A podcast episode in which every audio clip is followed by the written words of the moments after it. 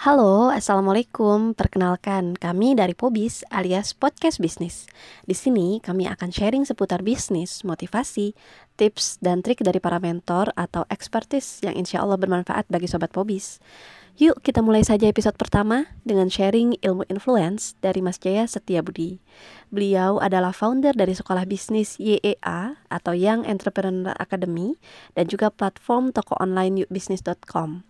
Materi yang satu ini akan dikupas dari bukunya Robert Cialdini yang berjudul Influence, The Psychology of Persuasion, di mana buku tersebut merupakan kitabnya para marketer dunia. Oke, langsung simak saja ya. Selamat mendengarkan. Materi ini sebetulnya adalah materi pengganti, ya, jadi ini tidak akan Anda dapatkan lagi dan saya tidak akan mengajar lagi karena apa? Karena nanti semuanya melalui rekaman. Jadi untuk YA pun juga sebenarnya kebanyakan YA. jadi buat YA pun nanti hanya akan nonton rekaman ini.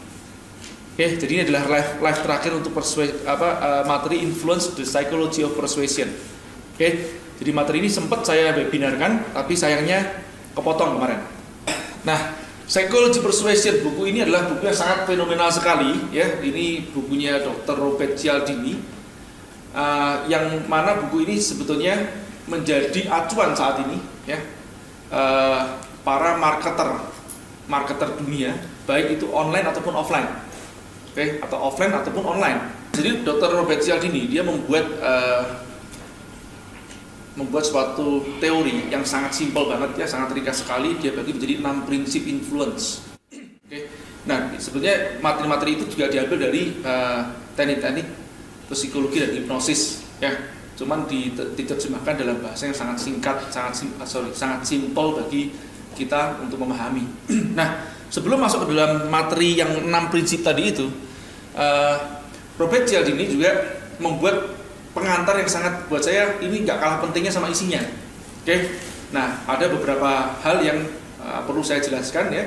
Ini dari ini saya terjemahkan secara bebas supaya anda tidak pusing dengan uh, istilah-istilah uh, yang namanya psikologi. Oke. Okay?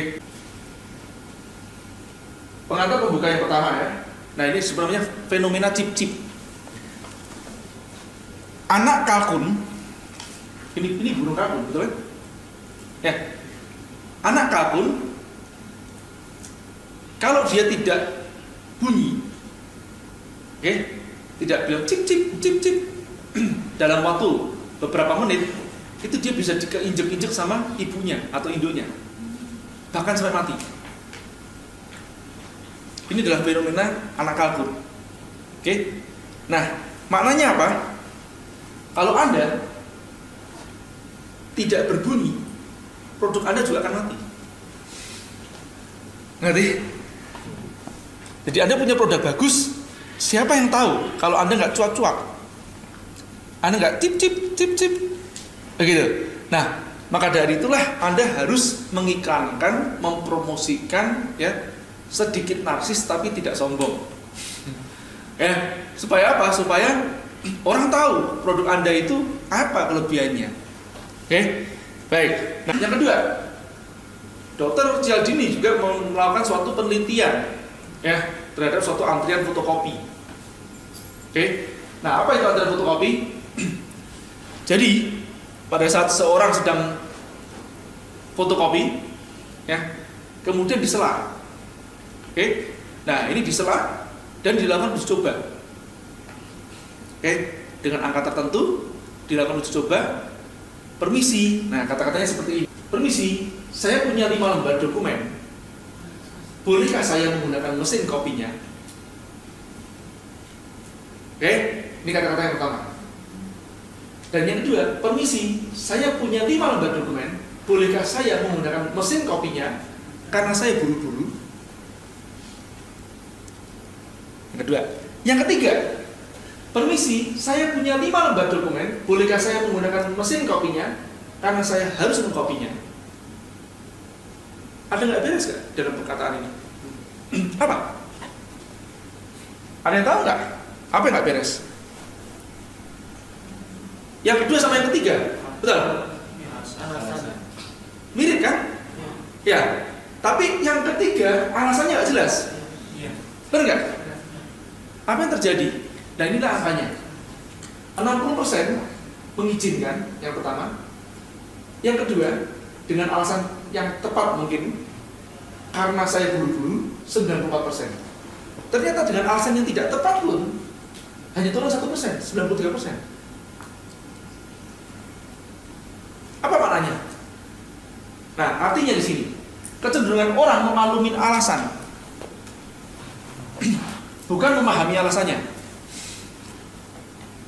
Permisi mbak, uh, saya boleh pakai bangkunya karena saya mau duduk. Jadi orang, ya iya ngerti lah, kamu mau duduk, kamu pakai bangku kok. Paham ya? Jadi sebetulnya alasannya tidak penting, yang penting ada alasan. Kan kita sering tuh di maskapai kalau keterlambatan karena alasan karena alasan teknis, karena alasan apa, karena alasan apa. Sebenarnya kita juga tidak suka namanya dengan namanya karena alasan. Harusnya dikarenakan permasalahan. Nah itu lebih enak. Tapi orang itu nggak tahu tuh, masih menggunakan alasan aja karena ya karena ada karena ya yang di belakang dianggap oke okay semuanya dimaklumin paham ya nah ini ini adalah suatu fenomena yang yang memang aneh ya nah itu yang kedua ya nah yang ketiga ini sangat penting banget yang paling banyak digunakan di uh, teknik-teknik copywriting terutama apa yang disebut namanya kontras cara pandang orang terhadap suatu perbedaan antara dua nilai oke okay? dan yang satu besar banget, yang satu kecil. Ya, kalau kita bilang besar sama kecil, ya, contoh ini, ini gede atau kecil? Hah? Kecil dibandingkan ini? Gede. Paham ya? Orang bisa membandingkan itu karena karena apa? Karena ada pembandingnya. Kalau ada pembandingnya nggak bisa ngomong kan? Dia besar atau kecil? Ya tergantung atau relatif terhadap apa atau siapa. Betul? Ya. Nah ini sebenarnya kontras. nah penerapannya bagaimana? Jadi seseorang dapat terpengaruh keputusannya dengan cara menyodorkan yang lebih besar dahulu, kemudian kecil, agar yang kecil tampak sangat kecil. Jadi kasih yang gede duluan nih. Kalau kita mau menawarkan yang kecil tadi itu, seolah kecil, resistennya kecil, nah itu kita tawarnya gede duluan nih. Oke, baru nanti kita tawarin yang kecil. Jadi yang kecil jadi tampak sangat kecil. Oke. Nah, jadi tawarkan produk yang mahal dahulu, baru kemudian yang murah. Contohnya seperti itu. Atau harganya dikasih harga sebelum coret, harga price list. Kemudian coret sekali, coret dua kali. Kalau perlu coret terusan. ya. Paham ya? Nah, ini penelitian Cialdini. Jadi kalau namanya PhD atau doktor itu pasti dia menggunakan uh, penelitian hal-hal yang ilmiah ya nah yang dipakai buat penelitian biasanya siswanya oke nah contohnya begini nih grup A yang menanyakan kepada uh, sorry uh, penelitian dalam grup A dan dalam grup B jadi ada dua grup ya nanti A sama B dalam grup A ditanyakan seperti ini maukah anda bekerja sosial tanpa dibayar sebagai konselor untuk anak-anak remaja nakal dua jam tiap hari selama dua tahun. Ini satu persatu tanya begitu. Jawabannya apa? Jawabannya apa? Jawabannya apa? Jawabannya apa? Oke? Okay? Tapi di dalam sama dia ini, hmm, um, nggak jadi deh. Oke, okay. Maukah anda kerja sosial tanpa dibayar sebagai pendamping anak-anak remaja nakal dalam perjalanan ke kebun binatang satu hari penuh aja? Mau nggak kira-kira? Nah, kenapa? Karena dibandingkan sama dua jam tiap hari selama dua tahun. Gila, siapa yang mau? Paham ya? Nah, yang di bawah ini terlihat kecil pada saat ada yang di atas. Tapi jangan hilangkan yang di atas. Begitu ada hilangkan yang di atas, prosentasinya beda. Kalau seperti ini 51% orang mau. Begitu dihilangkan ya yang di atas, langsungnya di ke bawah. Ditanyakan tempat grup yang berbeda. Maukah Anda kerja sosial tanpa dibayar sebagai pendamping anak-anak remaja nakal dalam perjalanan ke kebun binatang satu hari penuh saja? Satu hari penuh, sorry Jack, nggak mau gitu ya. Padahal kata-katanya sama diambil dari yang di bawah kan? Benar kan? Karena tidak ada pembanding, ini dianggap sebagai sesuatu yang berat. contoh nih kan ya. Pak sudah nikah pak? Udah. udah kan? Kayak sama cewek kan begitu. Mau nggak kamu nikah sama aku? Jadi istri kedua aku? Hah? Nggak mau. Nah tapi kita mau duluan. Kamu usia berapa? 35 kamu mau nggak? Kamu nggak nikah nikah ya atau dikasih pain yang sangat besar kan ya mungkin dikasih tahu kamu nggak? Cewek itu udah usia 35 biasanya PD-nya murah. Terus nggak ada yang mau nikah sama dia. Dan gini-gini dan seterusnya. Mau nggak kamu nikah sama aku? Jadi istri yang kedua contohnya begitu. Itu trik. Jadi harus dibuat kontras lebih dahulu. Painnya harus dibuat kontras ya. Baru nanti ya dia mau kan begitu ya. Nah, ini ini penelitian ini ilmiah oke nah ternyata di grup B ya yang mau hanya 17% aja. Oke di grup B yang mau hanya 17% aja. Baik saya lanjutkan. Ini penelitian lagi. Sorry kalau ini ketidaksengajaan. Ketidaksengajaan yang dijadikan studi kasus yang uh, ilmiah. Jadi di ekonomis tidak sengaja membuat suatu iklan dan iklannya salah. Apa itu? Perhatikan subscribe. Ini tentang tak berlangganan ya. Subscription.com-nya vs print-nya. Oke? Jadi yang pertama dikasih pilihan ya. Maukah anda pilih ya salah satu dari ketiga ini ya? Silakan pilih. Yang pertama adalah subscribe via dieconomist.com jadi dapat uh, online-nya aja kopi soft copy-nya saja ya. Harganya 59 dolar selama setahun. Oke? Terus yang kedua tawarannya adalah pilih yang kedua print subscription. Maksudnya di print hard copy-nya. 125 dolar per tahun. Dan pilihan yang ketiga print plus web. Artinya soft copy sama hard copy dikasih semuanya ya mau atau enggak? Dengan harga 125 dolar per tahun. Nah kira-kira dari tiga pilihan ini mana yang akan dipilih? Kenapa? Karena kelihatan lebih menguntungkan dong sama-sama 125 dolar. Anda melihat penelitian yang ketiga karena Anda melihat yang kedua. Betul tak? Anda bisa tidak membandingkan sama yang pertama lagi. Paham? Dan benar sekali presentasinya jomplang sekali yang ketiga sangat besar 84 persen. Nah sedangkan di tengah jelas nol. Perhatikan baik-baik. Bagaimana kalau yang kedua? Kan kita bilang dulu, ini kedua berarti 0 persen ngapain kita adakan? Betul tak? Hapuskan aja kan begitu ya. Nah apa yang terjadi pada saat dihapuskan? Apa yang terjadi? Nah, milihnya di atas karena pembandingnya sama yang di atas. Paham ya? Nah, jadi kalau Anda membuat uh, suatu tujuan ya, misalkan di paling bawah ini adalah suatu tujuannya, outcome-nya adalah ngepush uh, si calon pembeli untuk membeli yang di bawah. Ya, pastikan ada pembanding, jangan Anda hilangkan pembanding itu. Paham ya? Jadi ini is part of skenario gitu. Ya, jangan Anda hilangkan yang kedua ya. Nah, begitu dihilangkan, jomplang malah balik malah. Mayoritas memilih yang justru yang pertama, yang online subscription, subscription. Baik ya. Nah, ini ini penerapan uh, kontras. Baik, saya kasih contoh satu lagi. Ini ini saya buat sendiri ya. Jika Anda mendaftar hari ini, maka Anda akan mendapatkan bonus senilai 8,7 juta rupiah. Betul kan? Seringkali kita begitu kan? ya, ya. Voucher bisnis diagnosis satu setengah juta. Padahal nggak ngerti. Ini satu setengah juta dari mana dapatnya? Kadang-kadang nggak nggak jelas makanya. Betul ya? ya ibu bla bla bla lima ribu, ibu anu anu anu tiga ribu, audio grup bla bla bla ya sekian. Membership selama satu tahun, empat sesi webinar anu anu, voucher winner di RSC tambahin sekali. ya. Nah, total bonus 8,7 juta. Daftar sekarang hanya bayar 250 ribu rupiah.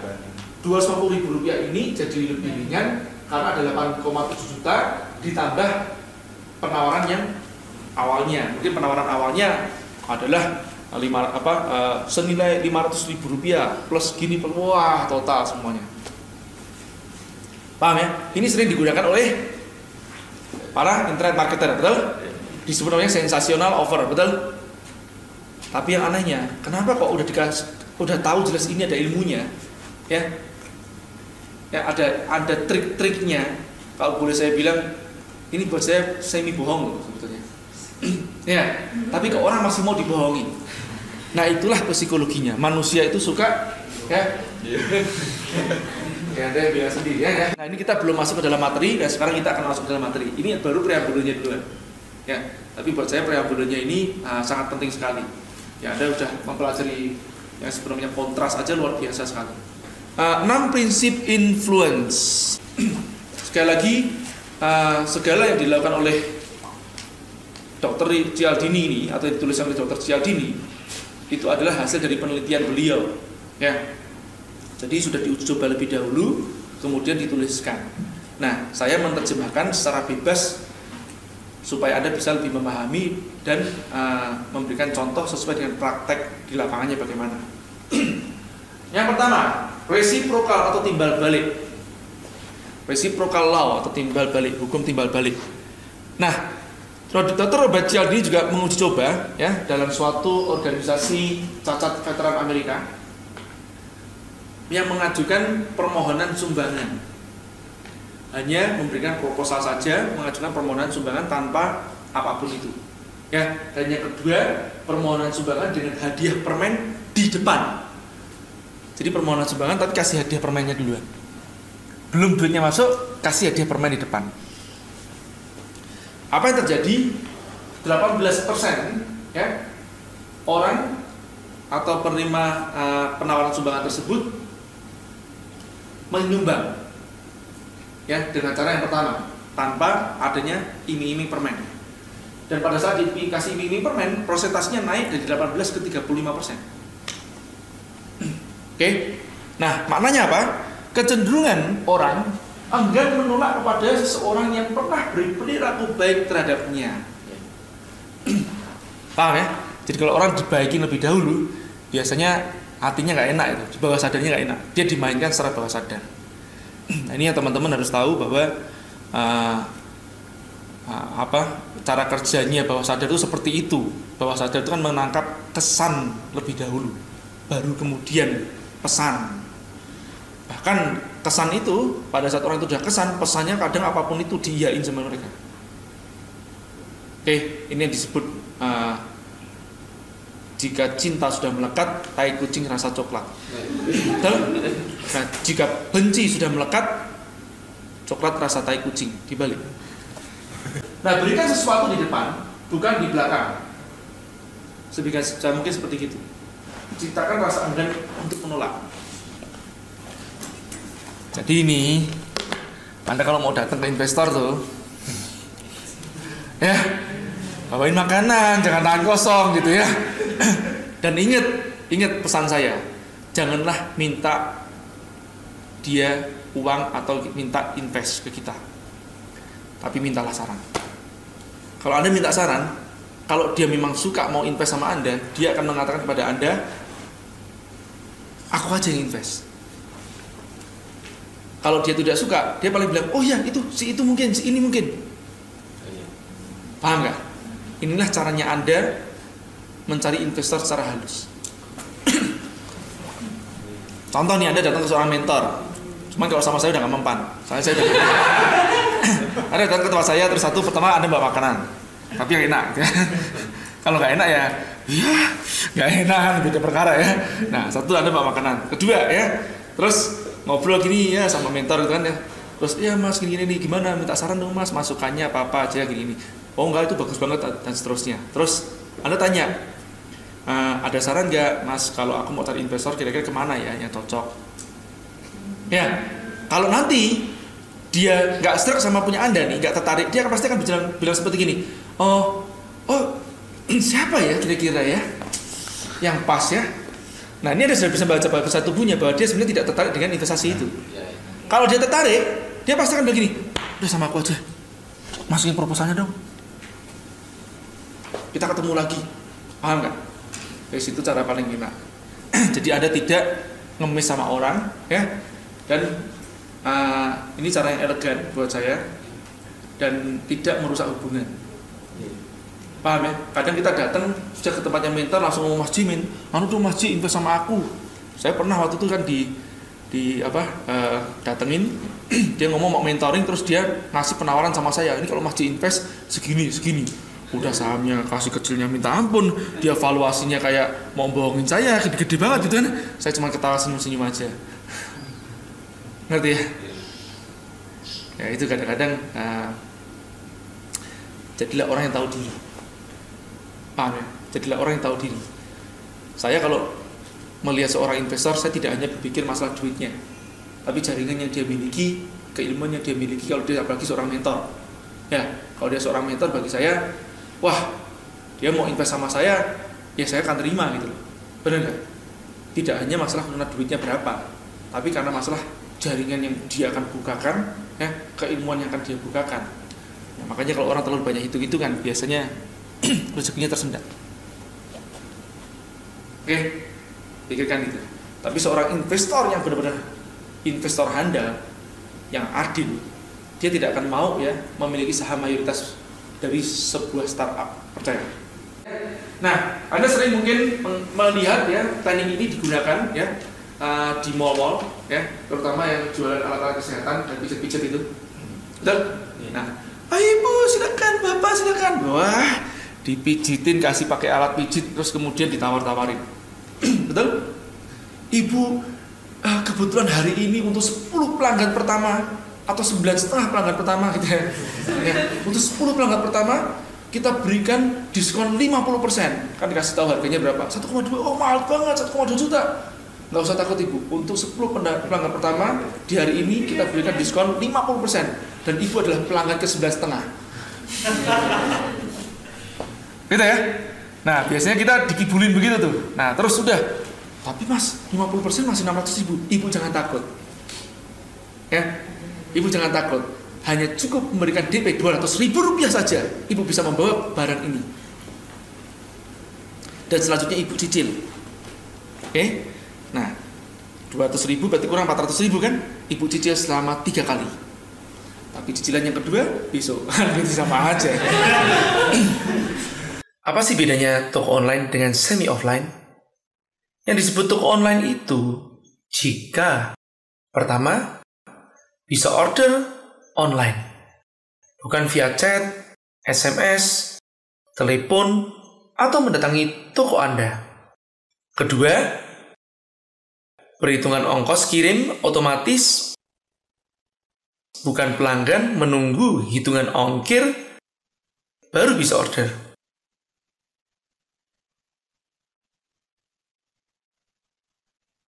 Ketiga, sistem payment otomatis.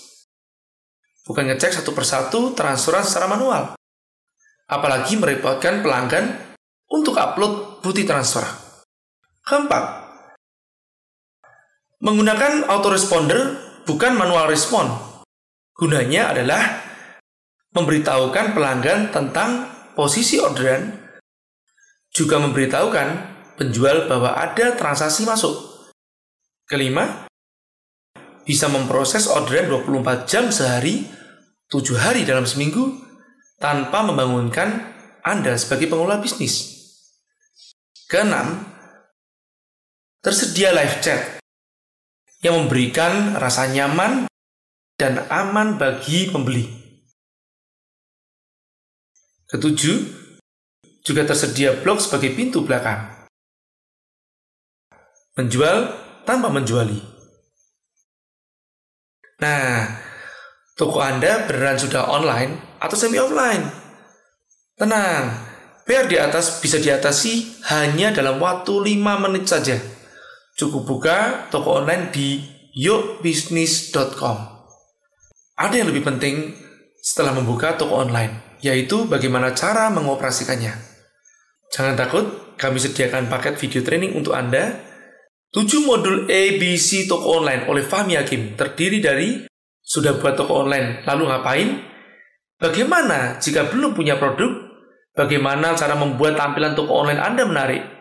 Bagaimana membuat foto produk yang menggoda? Bagaimana membuat deskripsi produk di toko online Anda? Riset kata kunci untuk SEO toko online. Kok belum laris juga? Apa yang harus dilakukan?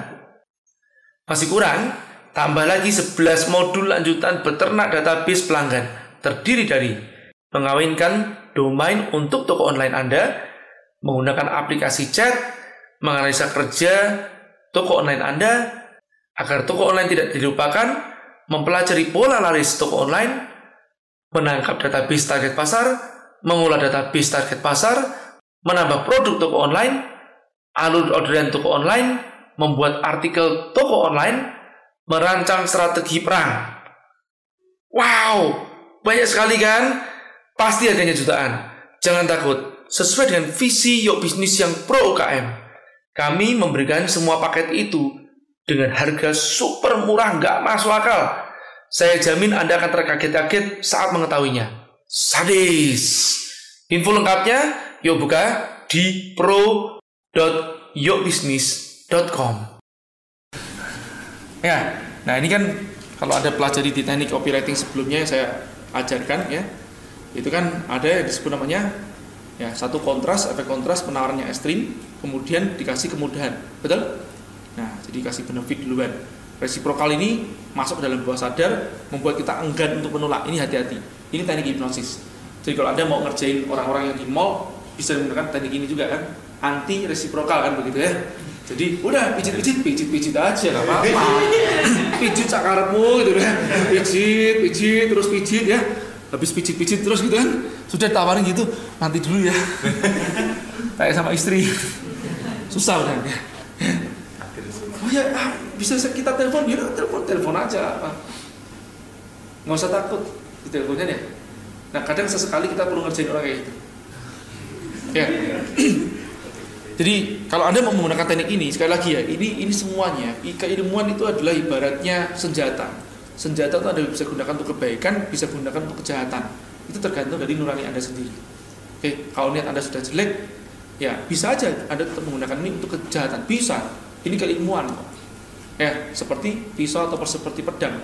Bisa untuk melukai, ya, bisa untuk menyembuhkan, bisa untuk potong daging kan begitu ya. Nah, yang kedua, komitmen and persistence. Oke, sekali lagi Dr. Cialdini melakukan uji coba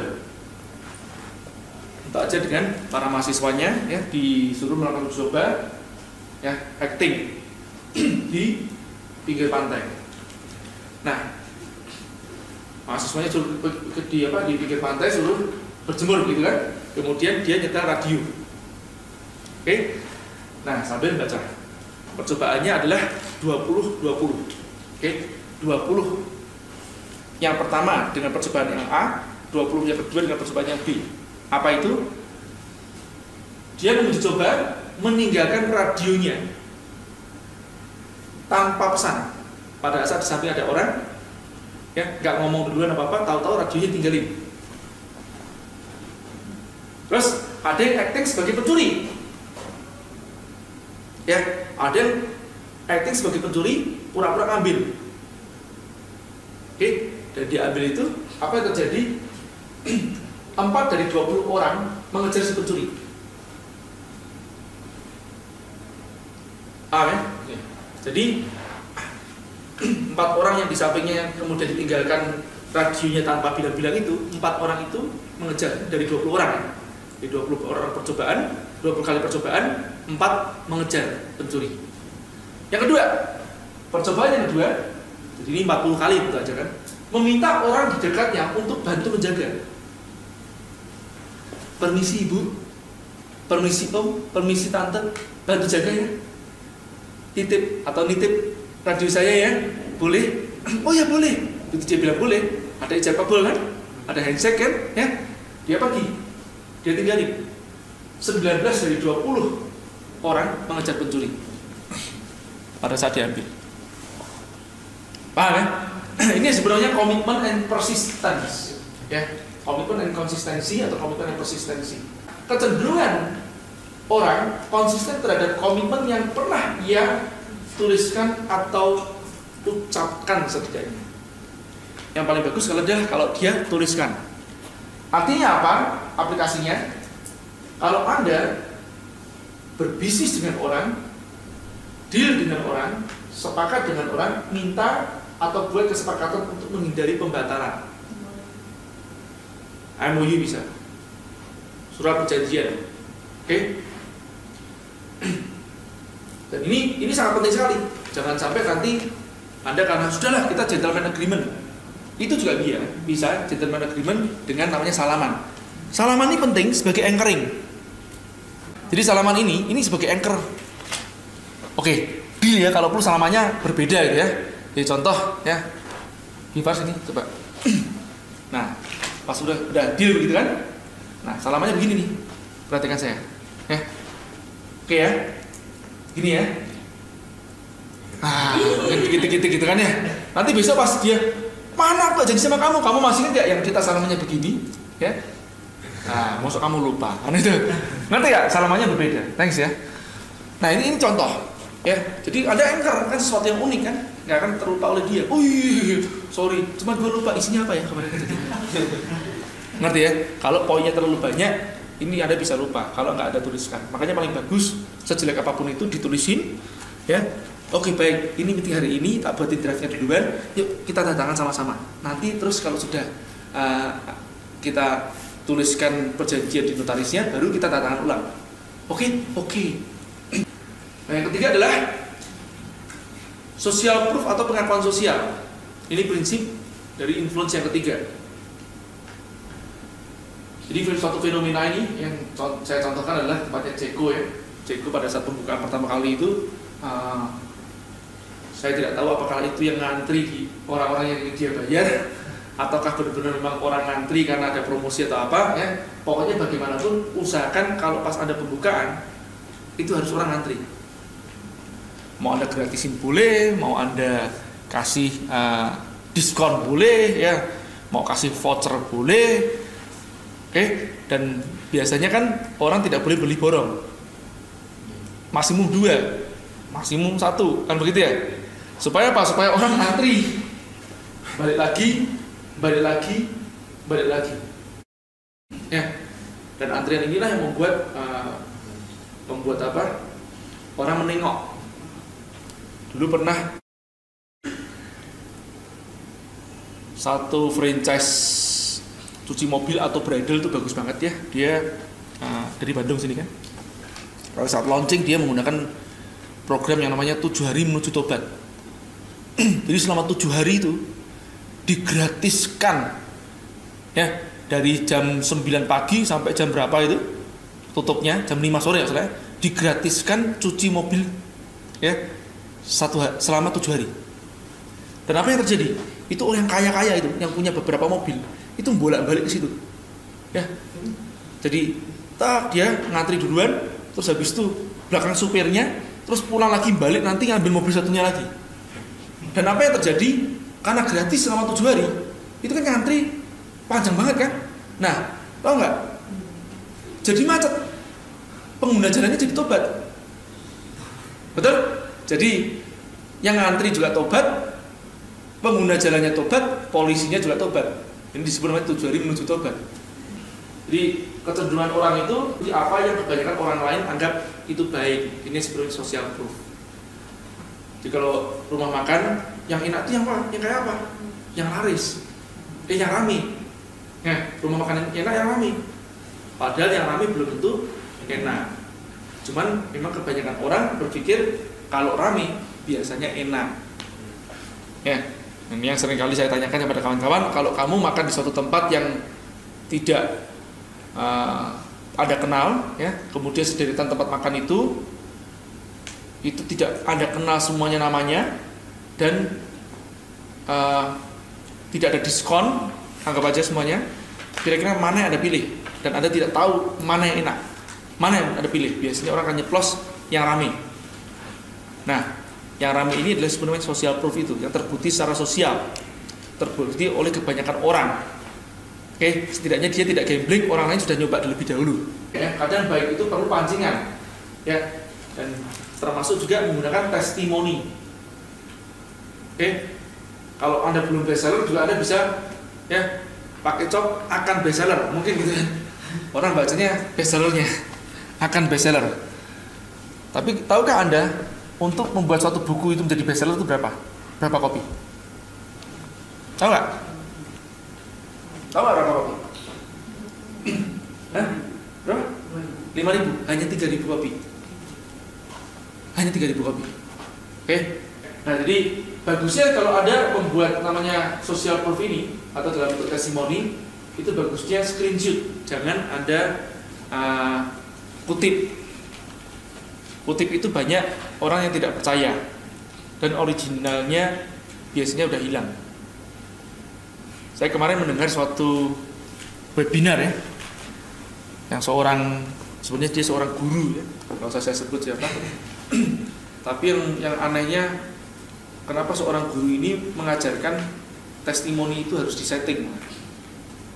Dia bilang diarahkan supaya bahasanya memprovokasi. Saya tidak setuju dengan itu ya karena ini buat saya adalah menyangkut integritas kan ya. Berarti anda melakukan suatu kebohongan. Ya. Anda boleh menggunakan trik tapi anda nggak boleh bohong. Oke contoh bestseller anda tulisin akan bestseller anda menggunakan trik tapi akannya ada kan? Cuman ya jangan akannya sampai akannya itu sampai kecil banget sehingga nggak kelihatan kan ya. Nanti ada kena hukum hukum uh, menjual buah yang di atasnya ada kasih bagus yang di dalamnya jelek-jelek. Nah, ini nggak boleh menyembunyikan. Ya. intinya kita tidak boleh menyembunyikan jadi transparansi aja. Jadi biasanya saya kalau memberikan suatu tester atau seperti kayak buku itu saya kirimkan kepada beberapa tokoh sebelum launching. Dan saya tuliskan minta kasih tolong minta inputan atau feedbacknya mas. Saya bilang begitu. Jadi saya tidak meminta testimoni. Nggak pernah saya mau minta testimoni seperti itu oke dan anda lihat buku saya juga tidak ada testimoni di belakangnya oke. Hanya pertamanya saja yang buku buka langsung lari apa uh, The Power of the saja yang ada. Yang sisanya kita pasti Batuk juga tidak ada testimoni. Baik ini social proof. Yang keempat rasa suka atau likable. Nah ini juga semuanya adalah uji coba ya atau pengamatan secara ilmiah tentang kasus kecelakaan ganti rugi pada kasus kecelakaan. Oke di tahun 79 nah apa uji cobanya korban menarik atau cantik. Ganti ruginya 10 rata-rata 10 ribu dolar. Oke kalau korban tak menarik ganti ruginya setengahnya aja 5 ribu sekian dolar. Ya jadi menarik ini sangat menarik ya. Kalau anda mau kecelakaan pastikan anda harus cantik dulu eh, kalau enggak ya yang supirnya harus yang menarik nah supaya apa supaya ganti ruginya besar ya nah apa maksudnya kecenderungan orang berkata iya kepada orang yang disukai jadi nomor satu ya giring orang itu dari objektif ke subjektif itu paling penting apa? Dengan namanya passing reading. Betul? Jadi buat mereka suka dengan Anda lebih dahulu. Begitu ya mereka suka kepada Anda, orang akan cenderung menganggap, iya, setuju, baik. Tapi sebelum itu, Anda harus yang membuat mereka, betul Bapak, iya, setuju. Ah ya, jadi saya kenalan sama Anda, baru kenalan nama siapa Siva Siva kamu suaranya kecil banget. Nah, nyaris tak terdengar. Emang sariawan kah apakah enggak? Kuliah dari mana? Kuliah di mana? Iya iya apa tuh iya enggak benar dengan saya. Hah? sekolah di mana kamu iya itu? Apa itu singkatannya? Entrepreneur. Aduh, entrepreneur itu ya kayak orang pengangguran. Mau jadi apa kamu? Enak gak kamu mau sama orang kayak gini? Paham ya? Nah, harus dibalik. Namanya siapa? Siva. Siva. Wih, Siva itu artinya penyembuh. Betul ya? Luar biasa. Ini kamu berarti sudah memiliki nama yang sudah tepat sekali. Siva kuliah di mana? YA yang Entrepreneur Academy itu kan sangat terkenal tuh dengan rekor pencetak pengusahanya 85% lulusan dari YA itu jadi pengusaha bener ya betul ya? Wih hebat banget. Dan saya dengar tuh ya itu anak-anak muda-muda ya mungkin termasuk kamu juga jangan-jangan nih. Itu penghasilan bisa ratusan juta per bulan loh. Padahal umurnya baru 20-an Siva sekarang usia berapa? 18 wih luar biasa. Saya kalau boleh ini saya akan iri sama anda mau seneng anda bener nggak? ah baru jualin kemudian gitu loh ya. Paham ya? baru jualin kemudian. Oke jadi ya 01 itu duluan. Pacing duluan kan? enggak baru leading.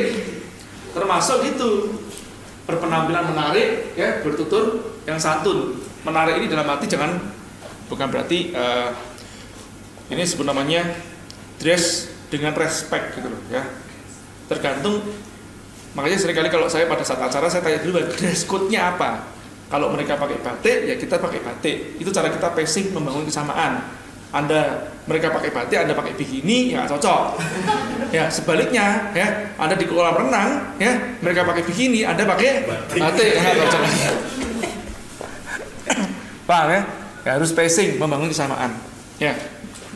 Orang yang membangun perbedaan tidak sukai. Nah itulah prinsip yang keempat, rasa suka. Yang kelima, authority atau otoritas. Ya, naikkan postur Anda untuk memperbesar faktor closing. Nah, caranya bagaimana? Saya ambil contoh nih. Ini ini bagaimanapun secara psikologi kita nggak bisa elak. Pas begitu misalkan Anda naik mobil, ya, Avanza atau Xenia atau sejenisnya, ya. Kemudian Anda masuk dalam mall, terus ada dim. Dim dim, siapa namanya? Uh, tukang parkirnya ada dim. Maksudnya apa? Anda minta minta tolong cari parkir loh. Apa yang terjadi? ya, mereka dia ngusir setengahnya ngusir mengenakan anda ke tempatnya parkir yang uh, pada rata-rata umumnya. Oke, okay? beda kalau anda naik Mercy, BMW pokoknya bulat-bulat gitu. ya, atau Mini Cooper gitu ya. Anda dim coba, dim dim, dia langsung, langsung dibuka aja, dicarikan tempat.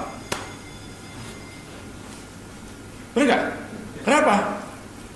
Orang masih menganggap ya mobil adalah otoritas.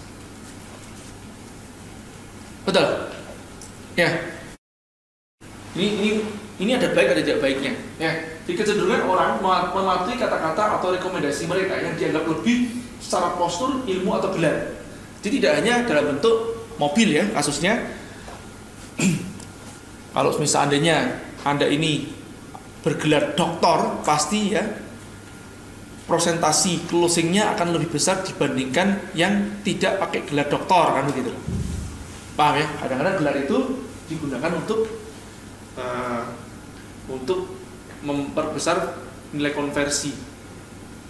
Oke? Nah aplikasinya bagaimana? Biasanya satu dress pakaian duluan penampilan pakaian saya sampai lihat itu ada orang-orang yang memang memiliki penampilan sudah benar-benar tepat sekali, posturnya badannya gede, meskipun otaknya kosong gitu ya. Ya, itu kalau closing biasanya lebih tokcer dibandingkan ya yang begini. Kurus, krempeng gitu. Biasanya seperti itu. Oke. Nah, makanya kadang-kadang kita kalau punya karyawan yang seperti itu kita gunakan bagian depan. Oke. Jadi kita kita kan nggak penting kita di bagian depan, yang penting duitnya di bagian kita kan, ya kan? Nah, terus kemudian anda bisa juga menggunakan endorse untuk produk anda. Jadi jangan sampai gini, kalau kita tampang kita sudah kecil, kerempeng, hitam, keringetan, berbulu gitu ya, terus kita pakai kita sebagai foto modelnya kan ya.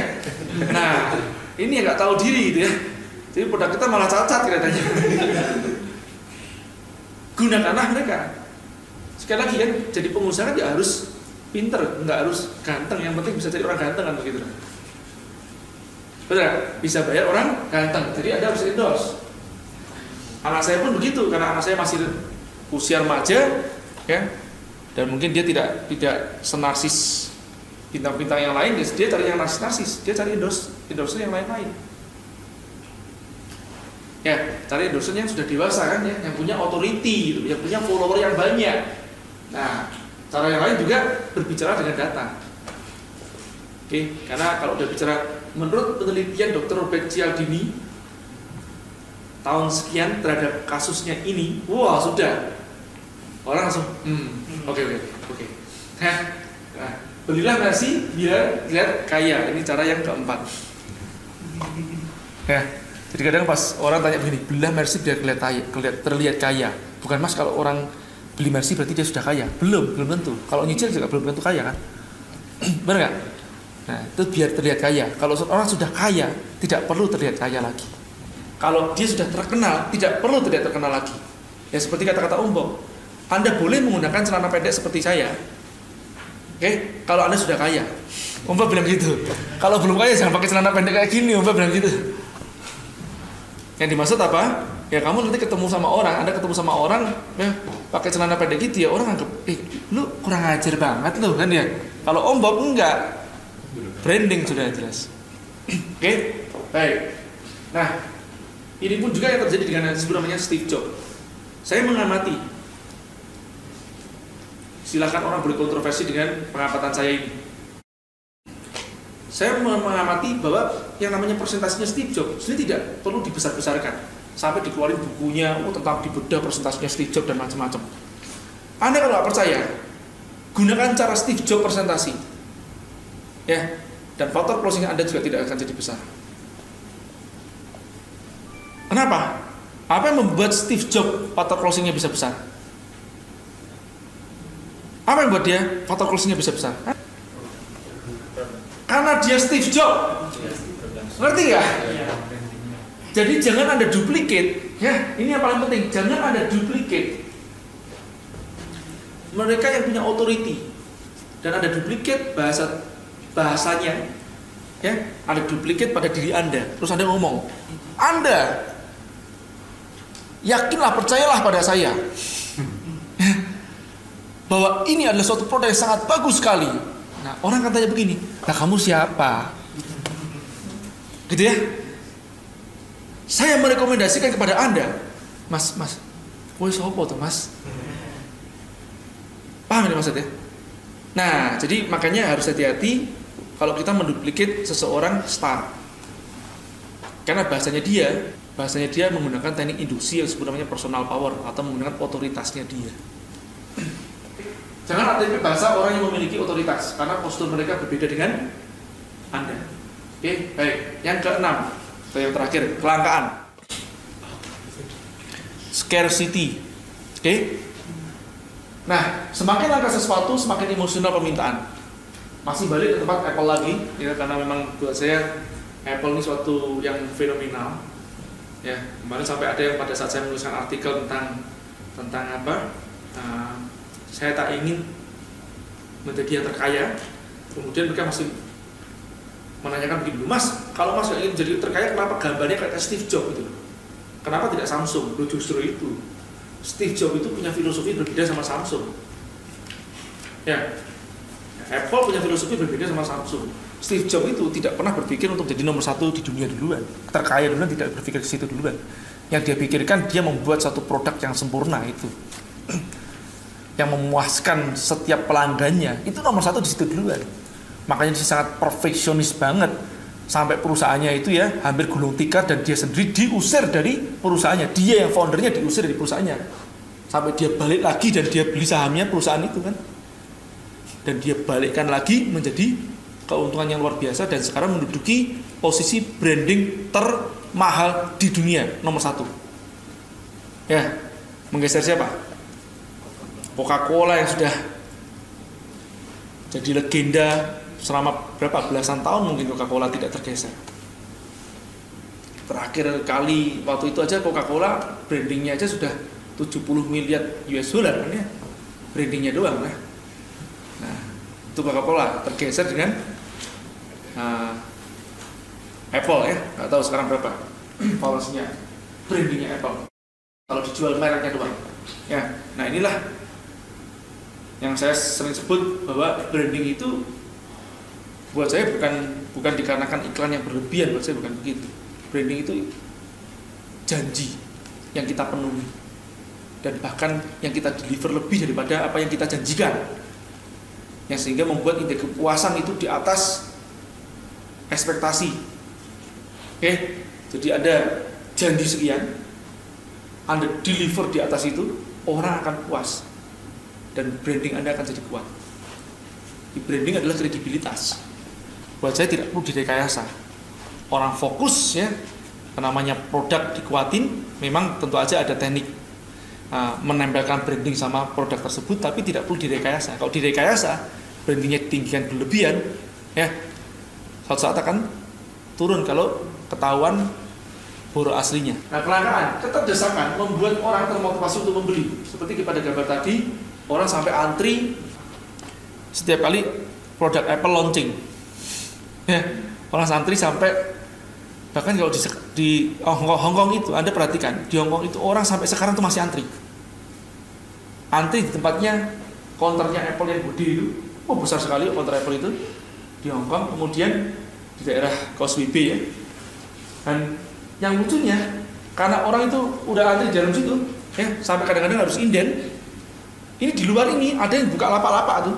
Jadi dia cuma pakai kursi semi permanen ya bukan nggak permanen gitu cuma kursi lipat begitu ya. Terus mereka pakai kerdus mereka jual Apple ketengan. Ya, jual produk-produknya Apple ketengan. iPhone terutama. Dia jual. Dan sedikit lebih mahal daripada yang di dalam. Tapi di sini ada nggak perlu antri? Lucu ya. Itu fenomena yang luar biasa. Ya nah keterdesakan membuat orang termotivasi untuk membeli keterdesakan atau keterbatasan ya Nah, kalau dalam copywriting ya diciptakan penawaran yang terbatas, baik waktu ataupun kuantitas. Dan mungkin juga untuk kalangan tertentu. Nah, contohnya ini ya. Nah, kalau di sini juga kita setting nih. Harga itu waktu itu kita buat bertahap per per 50 atau per 100 ya. Naik 50 ribu rupiah. Eh, naik, betul ya? Per 50 per 50 orang naik 50 ribu rupiah jadi orang wah terpacu untuk ah beli beli beli beli beli beli. Oke. Nah tadi influence tanpa delivery yang sesuai dengan janji akan menimbulkan kekecewaan. Ingat selalu, promise only what you can deliver. And if possible, deliver more than you promise. Begitu Anda mendeliver lebih daripada apa yang Anda janjikan, orang akan puas. Oke? Ingat itu. Baik sesi ini selesai. Sekian, terima kasih teman-teman. Oke, okay, itu tadi materi influence. Ternyata bisnis itu penuh dengan trik psikologi manusia itu sendiri ya. Semoga bermanfaat dan selamat mengaplikasikan. Sekian podcast bisnis hari ini. Wassalamualaikum warahmatullahi wabarakatuh.